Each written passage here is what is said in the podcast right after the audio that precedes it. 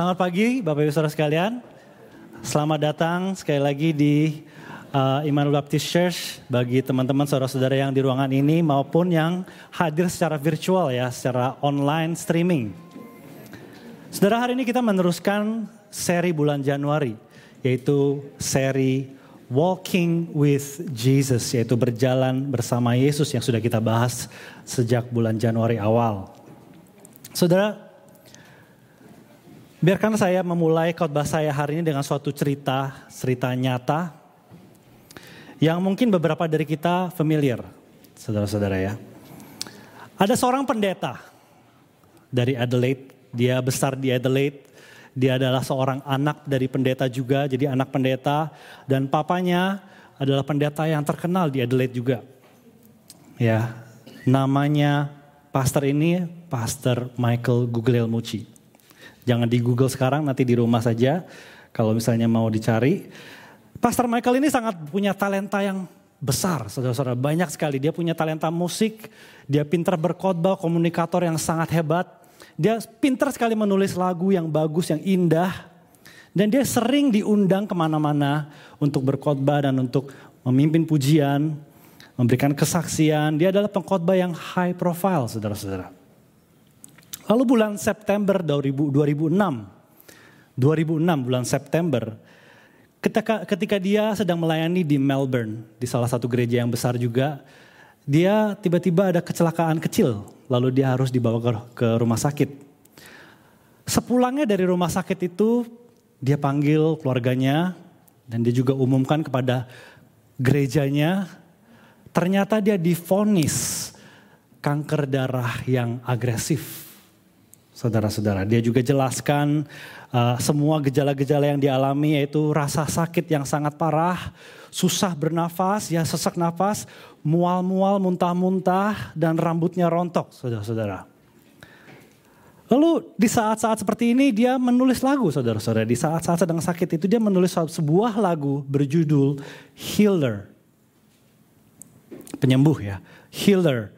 Sebuah lagu yang katanya diinspirasikan akan kasihnya kepada Tuhan dan juga terinspirasi oleh perjuangan dia melawan kanker yang sedang dihadapi. Ini adalah sebuah lagu yang sangat bagus saudara-saudara. Saya sendiri suka. Kata-katanya sangat bagus dan kita pernah pakai lagu Healer ini di gereja di, di sini. Lalu singkat cerita Pastor Michael lalu membawa lagu ini ke mana-mana saudara-saudara. Dia pergi ke conference di mana saja di seluruh Australia. Dia akan membawa lagu pujian ini. Um, dia bahkan juga membawakannya di satu salah satu conference yang paling besar di Australia ya. Dan uh, sering, sering kali ketika dia membawakan pujian lagu Healer ini, di, dia akan terlihat ada selang di hidungnya, di, dihubungkan dengan tabung oksigen. Lalu setelah itu dia akan membuka Alkitab dan dia membaca dari Alkitab dan dia akan memberikan kesaksian bagaimana hidupnya itu tidak akan lama lagi karena penyakit kankernya. Lalu bahwa dia akan tetap walaupun demikian dia akan tetap menaruh harapan dan uh, imannya kepada Yesus Kristus Tuhannya yaitu healernya yaitu penyembuhnya. Wah, saudara bisa bayangkan um, meledaklah popularitas lagu tersebut. Karena begitu banyak orang tersentuh. Begitu banyak orang itu tersentuh dengan cerita dengan kesaksian di belakang lagu tersebut saudara-saudara. Bisa dibayangkan ya. Lalu lagu ini juga sampai dinyanyikan di dalam satu album yang terkenal. Dan lagu ini bisa naik sampai meraih posisi nomor dua di area charts di Australia sini saudara-saudara. Dan Begitu banyak orang berduyun-duyun berkumpul memberikan dukungan kepada dia, memberikan bikin-bikin website lalu mengumpulkan dana untuk bisa membantu meringankan uh, biaya medisnya saudara-saudara. Tapi kemudian dua tahun setelah itu, tahun 2008 Agustus, dia tiba-tiba telepon papanya. Papanya sedang lagi melayani di luar negeri. Dan telepon papanya, Pak kamu harus pulang sekarang juga. Sekarang juga pulang Pak, pulang Pak, pulang sekarang juga. Papanya langsung seketika itu juga batalkan segala rencananya. Naik pesawat yang langsung untuk pulang. Dia pikirnya jangan-jangan ini adalah detik-detik saat-saat terakhir saya bisa ketemu dengan anak saya sebelum dia meninggal. Tetapi ketika dia pulang dan bertemu dengan anaknya ternyata akhirnya Michael Google Muci dia mengaku sama papanya bahwa dia tidak sakit. Bahwa cerita kanker darah yang agresif itu dari awalnya semuanya itu adalah kebohongan. Semuanya adalah pura-pura saja. Bisa bayangkan reaksi respon pertama dari papanya. Mungkin pertama-tama dia akan merasa lega bahwa anaknya tidak akan meninggal sebentar lagi. Bahwa anaknya tidak sakit. Tapi setelah itu saudara-saudara, bisa dibayangkan realita yang terjadi, apa yang implikasi dari semua kebohongan itu, semua kesad dia dia sadar akan betapa beratnya kebenaran yang sesungguhnya saudara-saudara sih seakan menampar yang dengan keras kepada mereka berdua saudara-saudara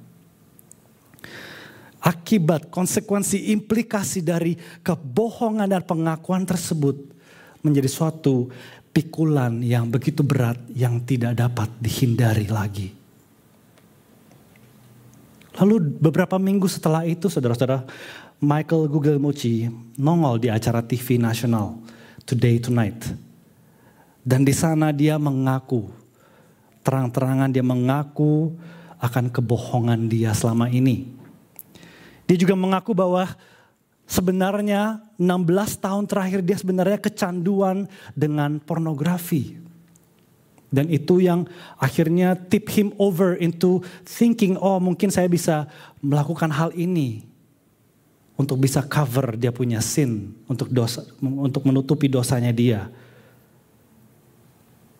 Lalu di national television itu dia mengaku dan minta maaf kepada semua orang yang sudah dibohongi dia. Dia mengumumkan komitmen dia yang baru untuk hidup di dalam kebenaran mulai saat itu juga. Saudara, mungkin teman-teman yang di sini yang tahu cerita ini masih ingat respon uh, banyak orang dan saya ingat respon saya. Saya merasa tidak enak.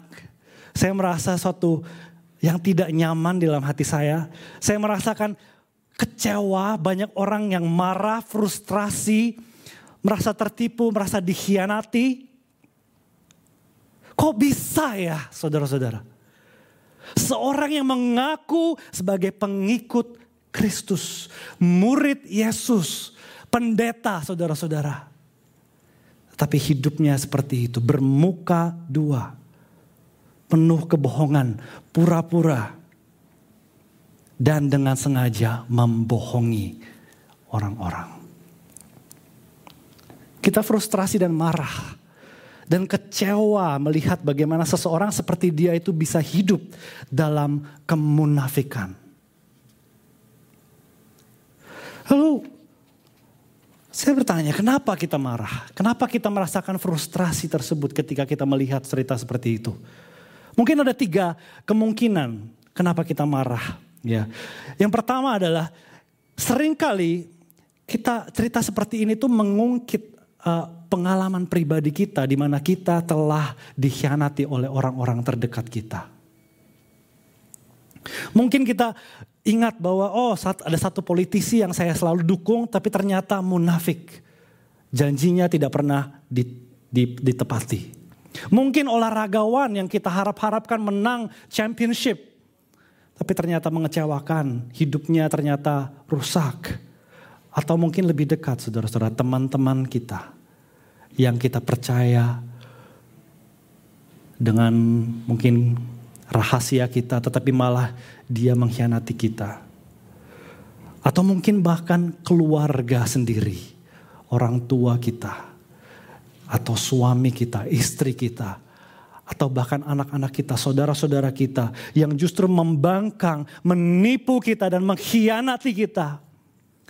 Saya rasa tidak asing. Di, di dalam ruangan ini tidak ada satupun yang tidak pernah merasakan sakitnya, pedihnya, dikhianati, bukan? Dan cerita-cerita kemunafikan itu seakan-akan membuka kembali luka-luka yang lama.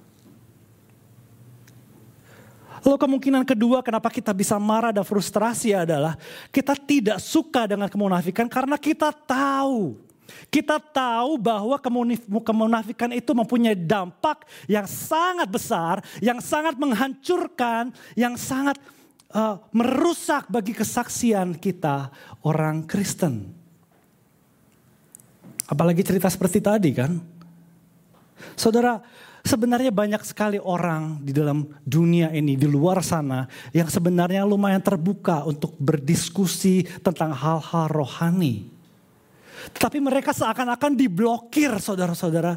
Mereka seakan-akan diblokir dari kemungkinan untuk masuk ke dalam gereja dan mengenal kekristenan yang sebenarnya. Apa yang memblokir mereka saudara-saudara? Ada McCrindle's Research yang menyatakan uh, kemunafikan adalah hal yang kedua yang terbesar menjadi uh, apa yang memblokir mereka untuk bisa datang uh, dan mengenal kekristenan yang sebenarnya. 47 persen saudara-saudara. Oleh sebab itu Brandon Manning uh, salah satu sekarang itu kalau nggak salah di Wikipedia bilang itu dia aktor, tapi pernah jadi uh, pastor. Dia berkata penyebab tunggal utama yang terbesar dari ateisme di dalam dunia ini adalah orang Kristen. Yang mengakui Yesus dengan mulut mereka, lalu mereka keluar dari pintu gereja dan mereka menyangkal Yesus dengan cara hidup mereka menyedihkan saudara-saudara. Lalu kemungkinan yang ketiga adalah kita tidak suka dengan cerita kemunafikan itu. Karena cerita kemunafikan itu membuat kita merasa tidak nyaman. Merasa terganggu karena cerita-cerita tersebut itu berfungsi dan bekerja seperti cermin di mana kita seakan-akan harus mengintrospeksi diri kita sendiri. Seakan-akan kita diingatkan kembali untuk memeriksa diri kita sendiri akan kemunafikan hidup kita sendiri. Seakan-akan kita dipaksa untuk melihat kepada hal-hal yang tidak konsisten di dalam hidup kita. Apa yang kita lakukan, apa yang kita katakan, yang kita percayai Apakah ada jarak? Apakah ada perbedaan di sana? Kita seakan dipaksakan untuk melihat kembali hidup kita. Dan apa yang kita katakan kita percaya.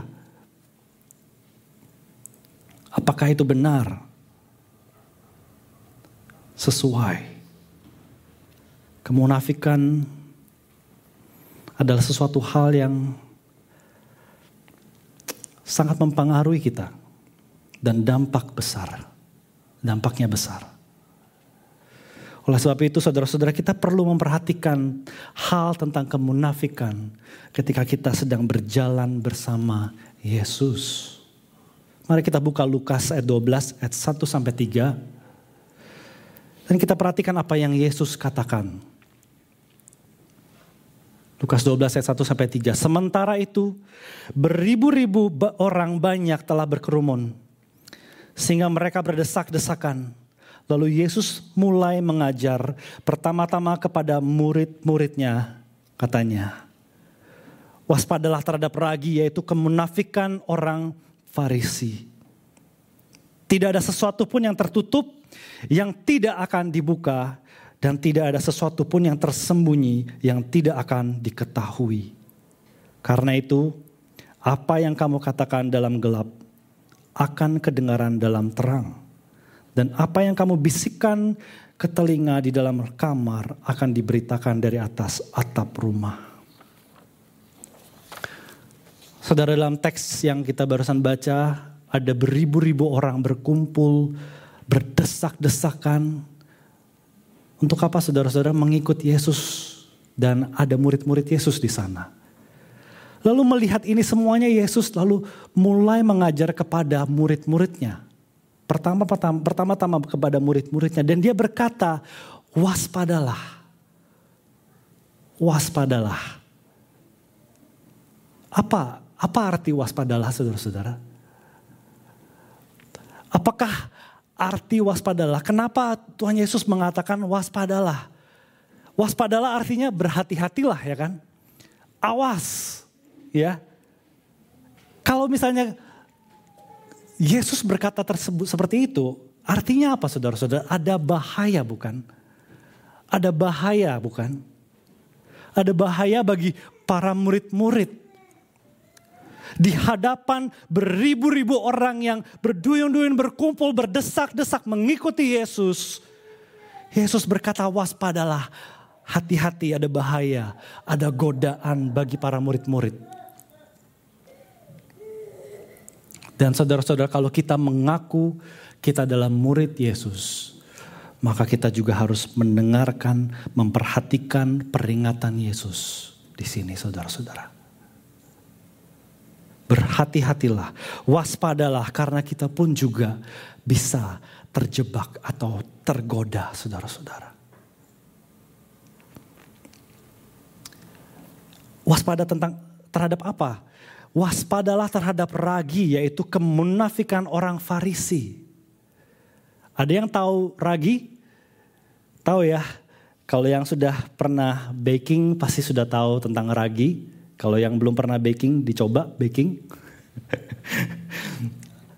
baking atau ragi itu uh, baking atau ragi lagi yeast leaven atau atau ragi itu uh, mempunyai sebuah apa guna ya uh, untuk mengembangkan adonan hingga naik ya. Uh, mungkin adonan yang seperti di gambar ini itu aslinya tuh sebenarnya cuma setengahnya saja. Tapi karena ada ragi yang tidak perlu banyak saudara-saudara, hanya sedikit saja itu cukup untuk memulai proses fermentasi yang akan menghasilkan gas karbon dioksida, lalu alkohol, asam dan panas dan kalau ditinggalkan cukup lama itu akan mempengaruhi seluruh dari adonan tersebut menjadi tinggi, menjadi besar gitu ya, menjadi naik. Lalu kenapa ragi ini dipakai? Kenapa ragi ini dijadikan gambaran dari kemunafikan, saudara-saudara? Ragi dipakai untuk menggambarkan sesuatu yang kecil sebenarnya. Tetapi diam-diam. Cara bekerjanya adalah diam-diam menyebar Diam-diam dia berkembang biak. Diam-diam dan tanpa disadari akhirnya akan menyebar luas dan mempengaruhi seluruh adonan tersebut saudara-saudara. Itulah yang dimaksudkan dengan ragi di sini saudara-saudara.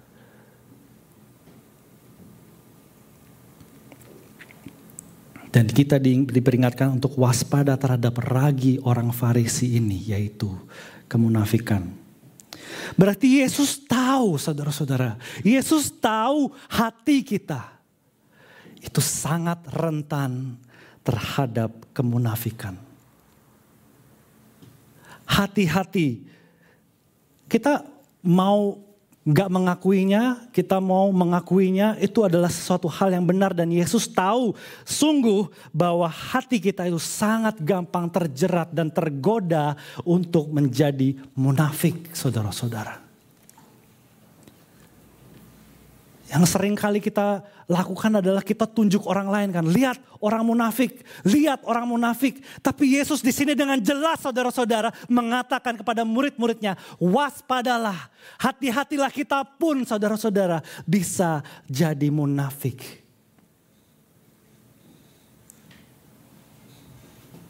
Dan seperti dosa yang lainnya, mungkin dimulai dengan hal yang kecil. Tapi perlahan-lahan tanpa disadari itu akan jika kita biarkan saja itu akan berkembang biak dan mempengaruhi seluruh hidup kita. Pertanyaan berikutnya kemunafikan semacam macam apa yang Tuhan Yesus sedang sedang kecam di sini saudara-saudara ya.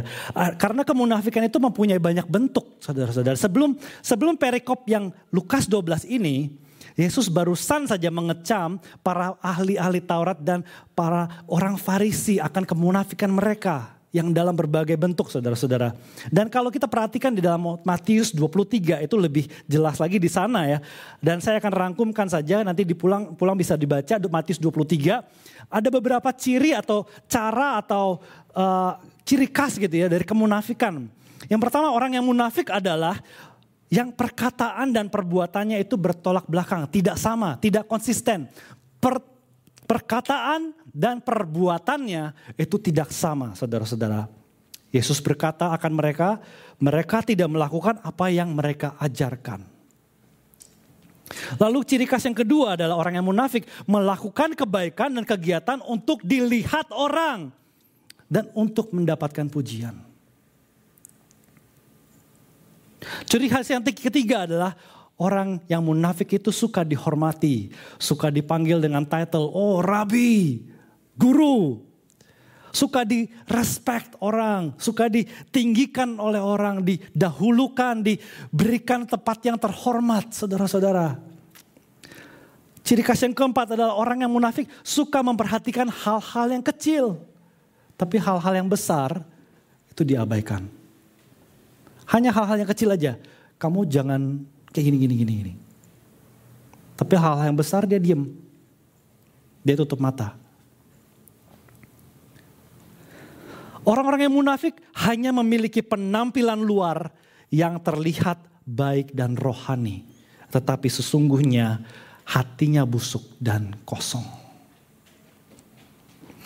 Lalu yang keenam, perilakunya tidak konsisten. Ya, tergantung pada tempat, pada waktu, pada situasinya. Pagi-pagi mungkin bangun masih bisa berdoa. Sampai tempat kerja tiba-tiba ada stres dan segalanya, wah langsung curse marah-marah. Selesai itu pulang frustrasi dan segalanya berubah lagi. Eh Toto tiba-tiba ketemu sama pendeta langsung jadi baik lagi. Perilakunya berubah-ubah saudara-saudara. Di mana di saat uh, waktu dan situasinya itu berubah-berubah. Lalu orang yang munafik yang terakhir ciri khasnya adalah mereka mempunyai standar yang berbeda-beda terhadap orang lain dan terhadap diri sendiri. Dia mempunyai standar yang sangat tinggi kepada orang lain. Dan ketika orang lain tidak memenuhi standar tersebut, mereka akan marah, mereka akan look down, melihat, menunjuk. Tapi ketika standar tersebut dikenakan kepada dirinya, selalu dia pasti akan ada alasan. Oh, lah, saya kan kayak gini, kayak gitu. Dia selalu punya alasan saudara-saudara untuk dirinya sendiri. Itulah ciri-ciri orang yang munafik. Dan ini adalah adalah beberapa list yang untuk kita saudara-saudara pagi hari ini bukan hanya untuk menunjuk kepada orang lain tapi ini adalah list di mana kita juga harus mengintrospeksi diri kita. Apakah kita ada melakukan meng, hati kita apakah ada seperti salah satu dari ciri ini saudara-saudara?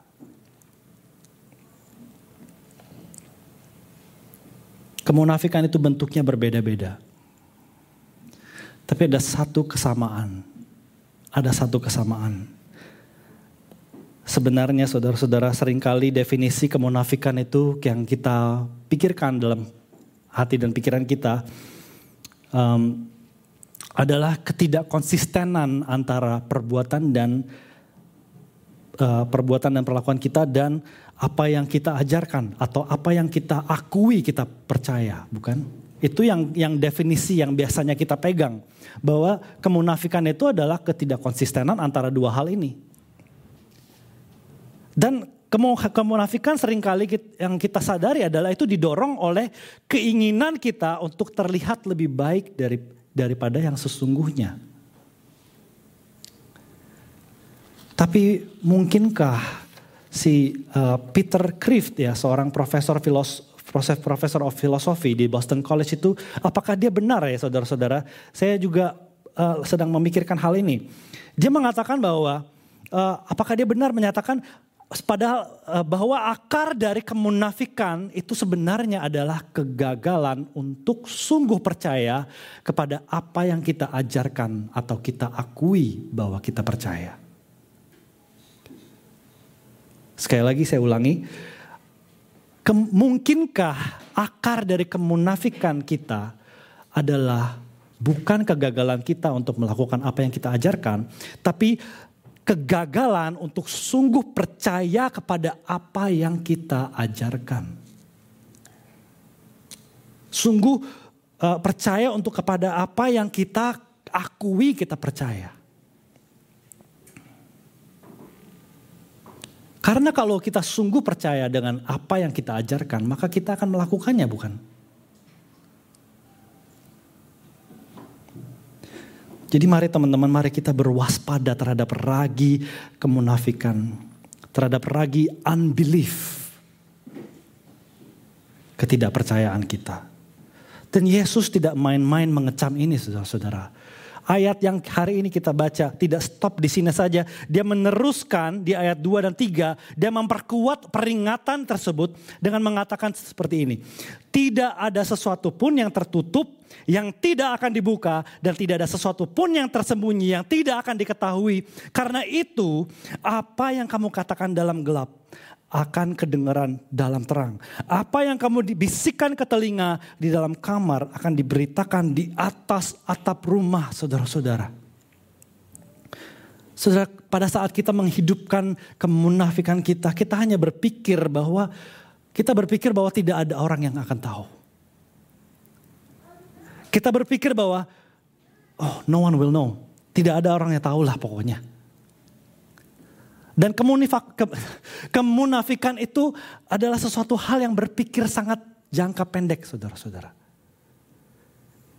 Karena ia lupa, karena kita lupa saudara-saudara. Dan Yesus mengingatkan pada akhir zaman.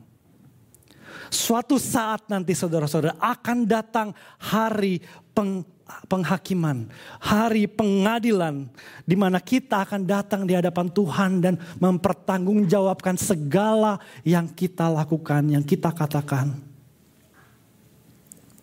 Pengkhotbah 12 ayat 14 berkata, karena Allah akan membawa setiap perbuatan ke pengadilan yang berlaku atas segala sesuatu yang tersembunyi. Entah itu baik, entah itu jahat. Sesuatu hal yang sangat menakutkan saudara-saudara. Roma 2 ayat 16 juga berkata hal itu nampak pada akan nampak pada hari bila mana Allah sesuai dengan Injil yang kuberitakan akan menghakimi segala sesuatu yang tersembunyi dalam hati manusia oleh Kristus Yesus. Semua yang kita sembunyikan di dalam pikiran kita, dalam hati kita, semua yang yang kita pernah katakan dan bisikkan kepada orang, perilaku dan perbuatan kita yang kita lakukan di dalam ruangan yang tertutup, ruangan paling dalam yang yang tidak akan ada orang tahu. Segala motivasi-motivasi kita melakukan kebaikan di depan orang, semuanya akan dibukakan, diumumkan di hadapan semua orang dan di hadapan pengadilan Allah yang maha suci dan yang maha tahu. Jadi waspadalah teman-teman. Hati-hatilah. Saudara kalau khotbah ini sampai di sini saja. Maka siang hari ini kita akan pulang dengan kepala yang tertunduk, lemas. Kita akan putus asa. Dan mungkin kita berkata, celakalah aku mati deh. Harapan apa yang aku punya yang bisa aku pegang saat ini? Saya sudah munafik selama ini. Kita mungkin bisa berpikir, ah apa gunanya lagi sih kalau kayak gitu?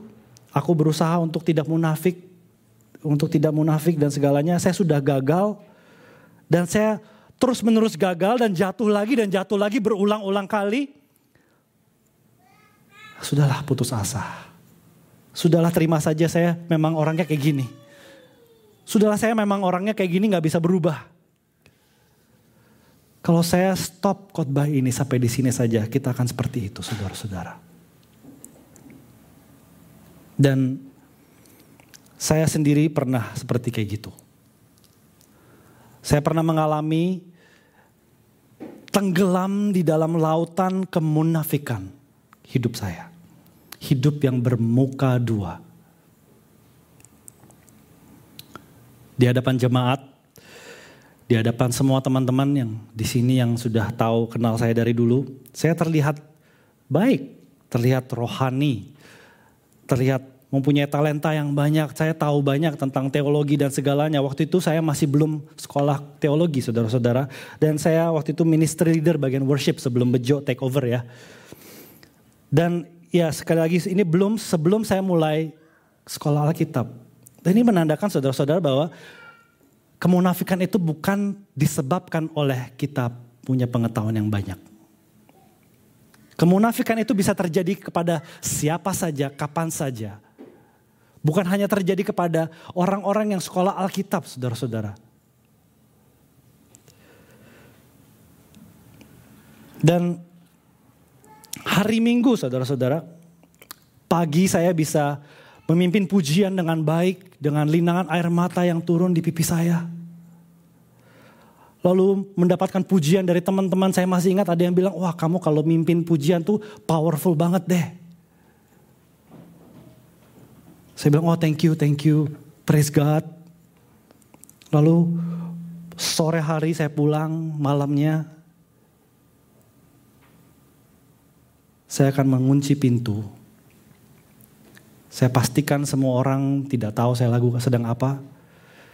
Dan saya akan memuaskan kecanduan saya akan pornografi. Dan untuk saya perjelas saudara-saudara, saya tidak bukannya tidak mencoba untuk melawan saudara-saudara. Saya tidak bukannya tidak mencoba untuk mengatasi kecanduan saya akan pornografi. Saya sudah berulang kali dan saya mencoba, lalu saya selalu gagal, selalu gagal saya kecewa terhadap diri sendiri. Saya sudah sampai tahap putus asa saudara-saudara. Tidak ada lagi perlawanan ketika ada godaan saat itu. Dan tidak ada orang lain yang tahu. Semuanya masih look up to me.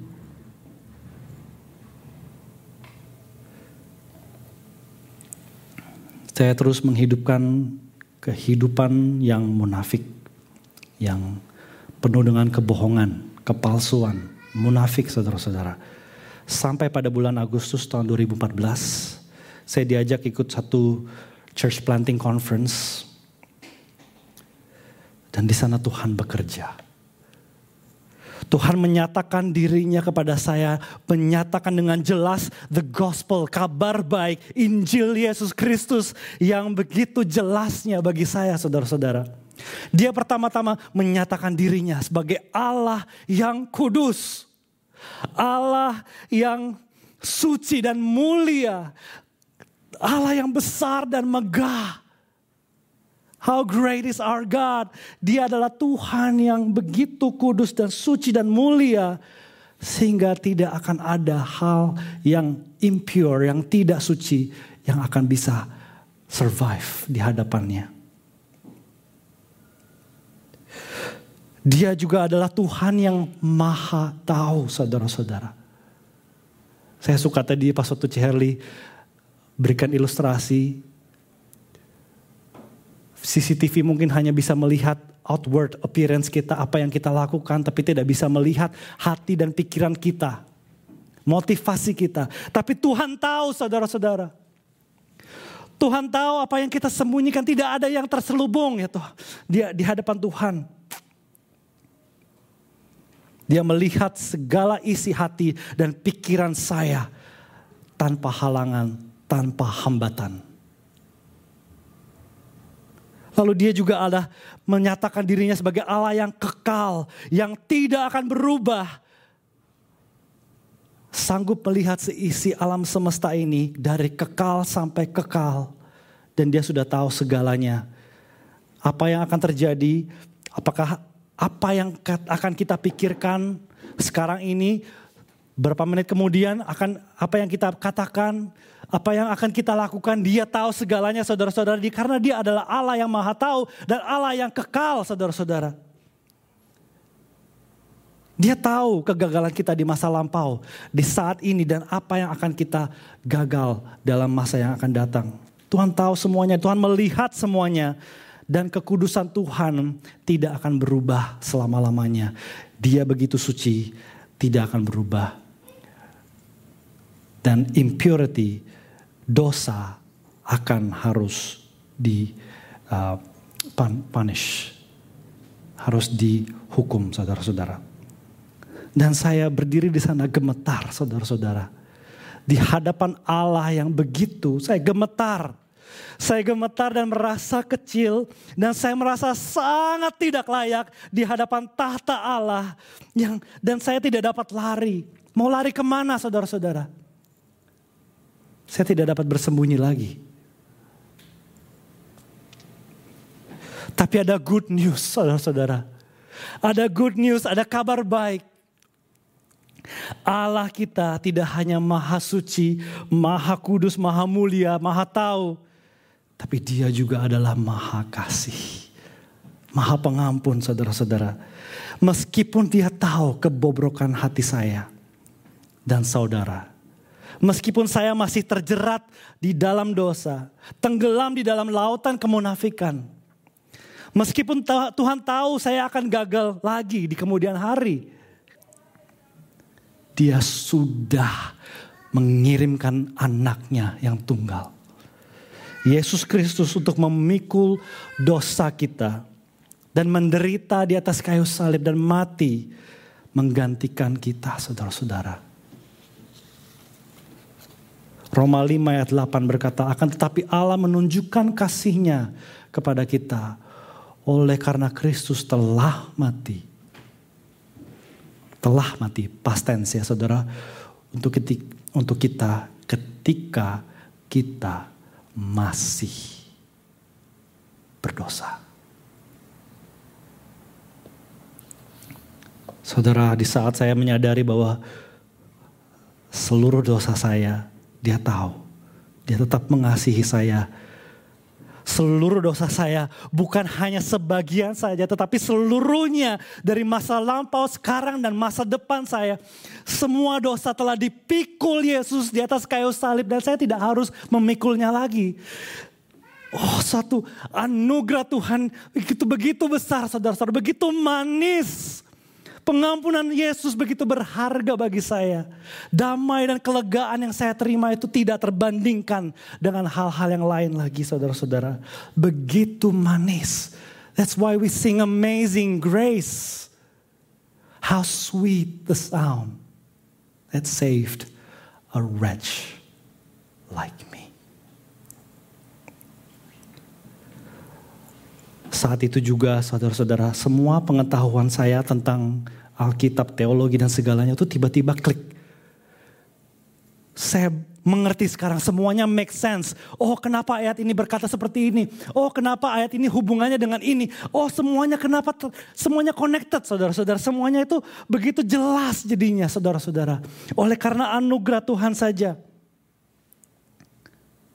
Hati saya diubahkan saat itu saudara-saudara yang tadinya melakukan kebaikan kegiatan untuk dilihat orang. Dan untuk membeli berkat Tuhan itu kan suatu kemunafikan juga ya. Kita melakukan kebaikan kita dan kita akan taat kepada Tuhan. Supaya apa? Supaya diberkati Tuhan. Itu suatu kemunafikan saudara-saudara. Hati saya diubahkan dengan dari hati yang seperti itu menjadi hati yang baru untuk mengasihi dia untuk hidup hanya bagi kemuliaan Dia, hanya menyenangkan Tuhan saja. Saya tidak lagi tertarik untuk hidup yang seperti yang memunafik lagi saudara-saudara. Saya lebih tertarik mengenal Tuhanku yang telah mati dan telah bangkit bagiku, telah menyelamatkan aku, mengampuni aku. I want to know you better. I want to love you Lord. I want to glorify your name with my life saudara. Itu yang terjadi saudara-saudara. Dan dengan hati yang baru ini. Yang mengasihi Tuhan lebih daripada diri saya sendiri. Saya mendapatkan, saya mendapatkan kuasa untuk mengalahkan kecanduan saya terhadap pornografi. Kasih Tuhan anugerah Tuhan, kuasa Roh Kudus, dan Kristus yang di dalam hati saya yang telah bekerja. Dengan sangat hebatnya sehingga saya lepas dari belenggu kecanduan tersebut. Dan sekarang saya rindu saudara-saudara, saya sangat rindu sekali bahwa teman-teman semua di sini dan juga yang di rumah, yang online, itu juga mengalami perubahan ini, mengalami uh, anugerah Tuhan. Mengalami kabar baik ini saudara-saudara. The gospel of Jesus Christ. Dan tidak hanya menjadi satu teori yang di pikiran kita saja. Saudara-saudara, jika ada harapan di dalam Yesus Kristus bagi orang-orang seperti Michael Guglielmucci, bagi saya, saya percaya Tuhan juga sanggup bekerja di dalam hidup saudara. Apa pun yang saudara sedang alami, hadapi saat ini, Tuhan sangat mengasihi saudara. Dan dia telah tunjukkannya menunjukkan kasihnya di atas kayu salib. Maukah kita sungguh-sungguh percaya? Mungkin saudara di sini ada beberapa yang berkata, ya kita kan diselamatkan oleh anugerah kan. Jadi kenapa sih kemunafikan itu kayak dibesar-besarin banget? Kita kan diselamatkan, diampuni oleh anugerah. Kenapa sih hidup yang munafik sedikit aja pun gak boleh? Iya kita diselamatkan oleh anugerah, kasih karunia. Tapi kasih karunia Tuhan itu bukan kasih karunia yang abal-abal. Yang murahan. Bukan kasih karunia yang KW saudara-saudara. Bukan kasih karunia yang lemah saudara-saudara kalau kita berpikir bahwa seperti tadi bahwa kita diselamatkan oleh anugerah ya udah cukup gitu. Kita punya hidup ya tetap uh, munafik dan segala kita tetap di, diampuni kok. Kalau kita berpikir seperti itu saudara-saudara kita sedang menganggap rendah kasih anugerah Tuhan. Kita sedang menganggap lemah sekali kasih anugerah Tuhan itu. Kita sudah gagal untuk percaya bahwa kasih karunia Allah itu sangat berkuasa saudara-saudara. Kasih karunia Tuhan itu tidak hanya mampu untuk mengampuni dan menyelamatkan kita saja saudara-saudara. Tapi kasih karunia Tuhan itu berkuasa dan dan hebat saudara-saudara untuk mengubah kita saudara-saudara. Mengubah kita lebih serupa seperti Kristus.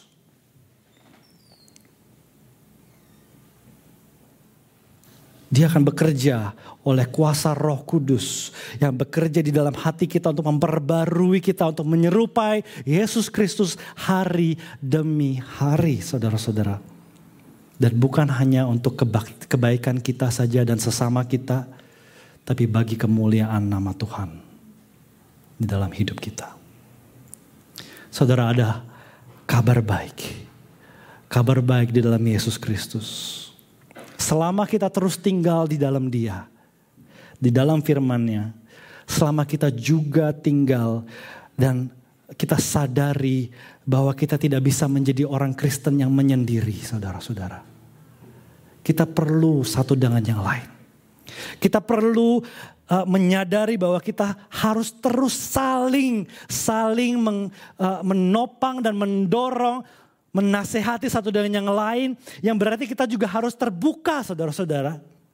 Kita harus terbuka satu dengan yang lain, mengundang satu sama yang lain untuk mengoreksi, memberikan nasihat bagi kita. Karena kita belum perfect, kita belum sempurna saudara-saudara. Ibrani 3 ayat 13 mengingatkan kita. Tapi nasihatilah seseorang akan yang lain setiap hari selama masih dapat dikatakan hari ini. Supaya jangan ada di antara kamu yang menjadi tegar hatinya karena tipu daya dosa.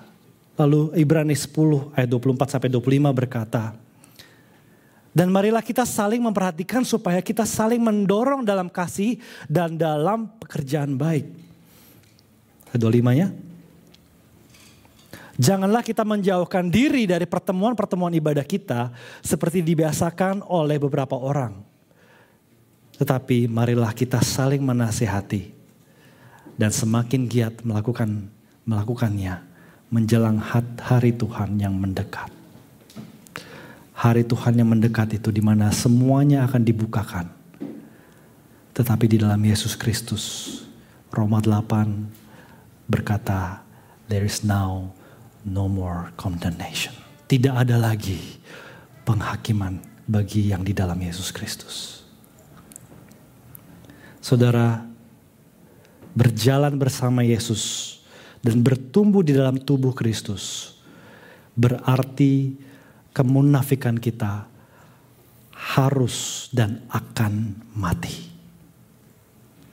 Demi kebaikan kita dan sesama kita, demi kesaksian kita di tengah-tengah dunia, dan bagi kemuliaan Tuhan semata. Mari kita berdoa. Hari ini tidak ada musik, Tapi saya mau mengundang kita semuanya untuk datang dengan jujur di hadapan Allah yang maha tahu. Tuhan kami menyelidiki hati kami. Dan kami tahu Tuhan engkau juga menyelidiki hati kami. Kau melihat secara jelas sekali isi hati dan pikiran kami saat ini. Engkau Tuhan yang maha tahu. Engkau sudah melihat track record kami di masa lampau. Engkau juga melihat apa yang kami sedang hadapi, yang kami sedang gumuli saat ini juga. Dan kau sudah tahu juga ya Tuhan apa yang sedang yang akan kami lakukan di masa yang akan datang kegagalan-kegagalan kami. Kau tahu ya Tuhan hati kami begitu rentan. We are so prone to leave you, the God that we say we love. Kau melihat kebobrokan kami. Dan kami mohon roh kudus nyatakanlah kemunafikan kami. Sadarkanlah kami akan cara hidup kami yang tidak sesuai dengan iman yang kami akui di dalam engkau. Tuhan kami gemetar dan tersungkur di hadapan Engkau, di bawah kakimu. Kami sadari dan akan kemunafikan kami yang menjijikkan di hadapanmu. Di depan matamu yang menyala-nyala melihat kami Tuhan. Tuhan kami mohon ampun ya Tuhan. Kami datang dengan keberanian yang hanya ditemukan di dalam Yesus Kristus oleh karena pengorbanan dia di atas kayu salib bagi kami.